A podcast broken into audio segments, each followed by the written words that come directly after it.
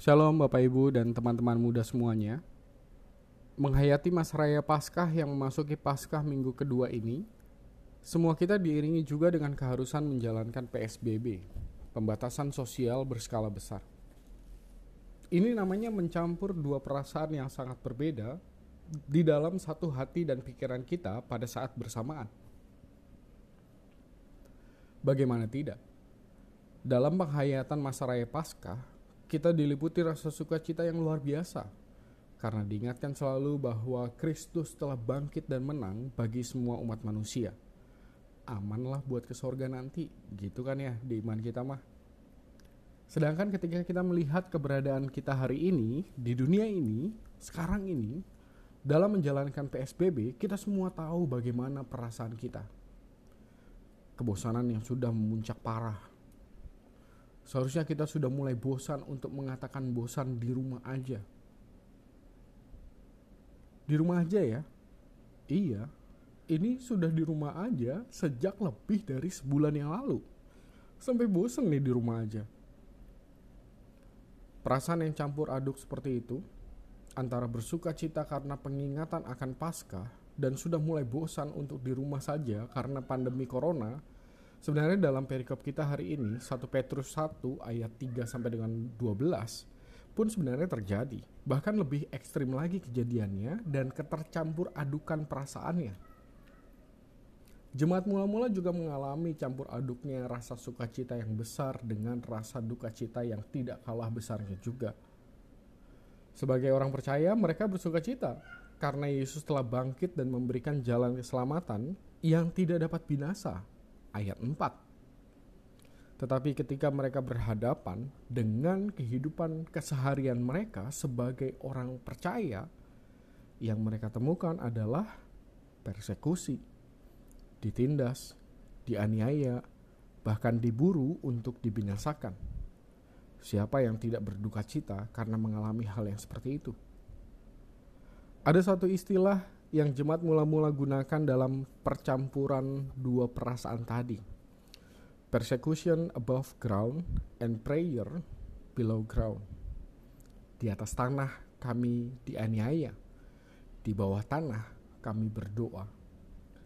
Di atas tanah kami dianiaya, menunjuk pada saat mereka berjumpa dengan orang-orang yang menindas karena iman yang berbeda. Dan di bawah tanah kami berdoa, menunjuk pada ruang-ruang ibadah di katakombe-katakombe pada zaman dahulu Bapak Ibu bisa googling dengan kata kunci kata kombe dan lihat gambar-gambarnya di Google. Seperti itulah kata kombe atau kuburan-kuburan yang digunakan oleh jemaat mula-mula untuk tetap bisa beribadah, mengungkapkan sukacita mereka di tengah duka cita yang mereka alami. Mungkin kalau mereka mau mengatakan hal yang sama seperti yang kita rasakan hari ini, mulai bosan berkata bosan, maka itu artinya bagi mereka bukan hanya sekedar melockdown diri di ruang-ruang bawah gelap kuburan-kuburan kata kombe kata kombe tempat mereka bisa tetap beribadah tetapi juga bagi mereka penganiayaan adalah suatu hal yang sudah dianggap biasa mereka sehari-hari menerima itu sehingga bisa jadi mereka sudah mulai bosan juga untuk berkata kami dianiaya karena iman kami. Karena memang tiap hari mereka ketemu dengan itu. Duka citanya kita sekarang itu kan hanya bosan di rumah doang ya. Duka citanya jemaat mula-mula sudah sampai pada taraf persekusi yang sangat mungkin membuat mereka kehilangan nyawa. Saya hanya kepikiran begini saja Bapak dan Ibu semuanya.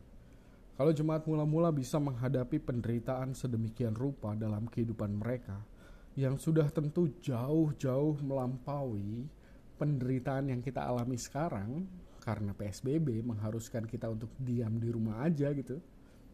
Apakah kita memang harus terus-menerus berkata bosan dalam menghadapi situasi kita hari ini untuk diam saja di rumah terlebih dahulu? Gak bosan memangnya berkata bosan di rumah aja dalam menjalankan PSBB?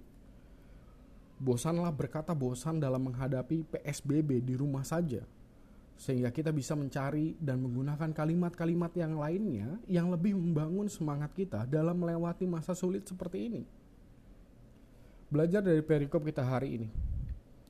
Kebosanan hari ini diperhadapkan dengan kegembiraan yang akan terlihat nanti. Sehingga sukacita pasti akan selalu mengalahkan rasa duka cita yang terjadi. Saya ulangi ya. Kebosanan hari ini atau sesuatu yang membuat kita berduka tiap-tiap hari diperhadapkan dengan kegembiraan yang akan terlihat nanti. Temukanlah selalu kegembiraan kita hari ini selama masa PSBB berlangsung. Karena apa yang kita perjuangkan bersama hari ini adalah kegembiraan kita yang akan terlihat nanti setelah masa pandemi berakhir. Tuhan menguatkan kita. Amin.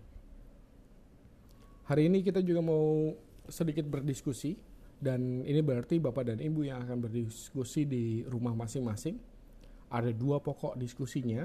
Yang pertama adalah sudahkah kita menemukan kegembiraan itu dalam masa PSBB sekarang ini?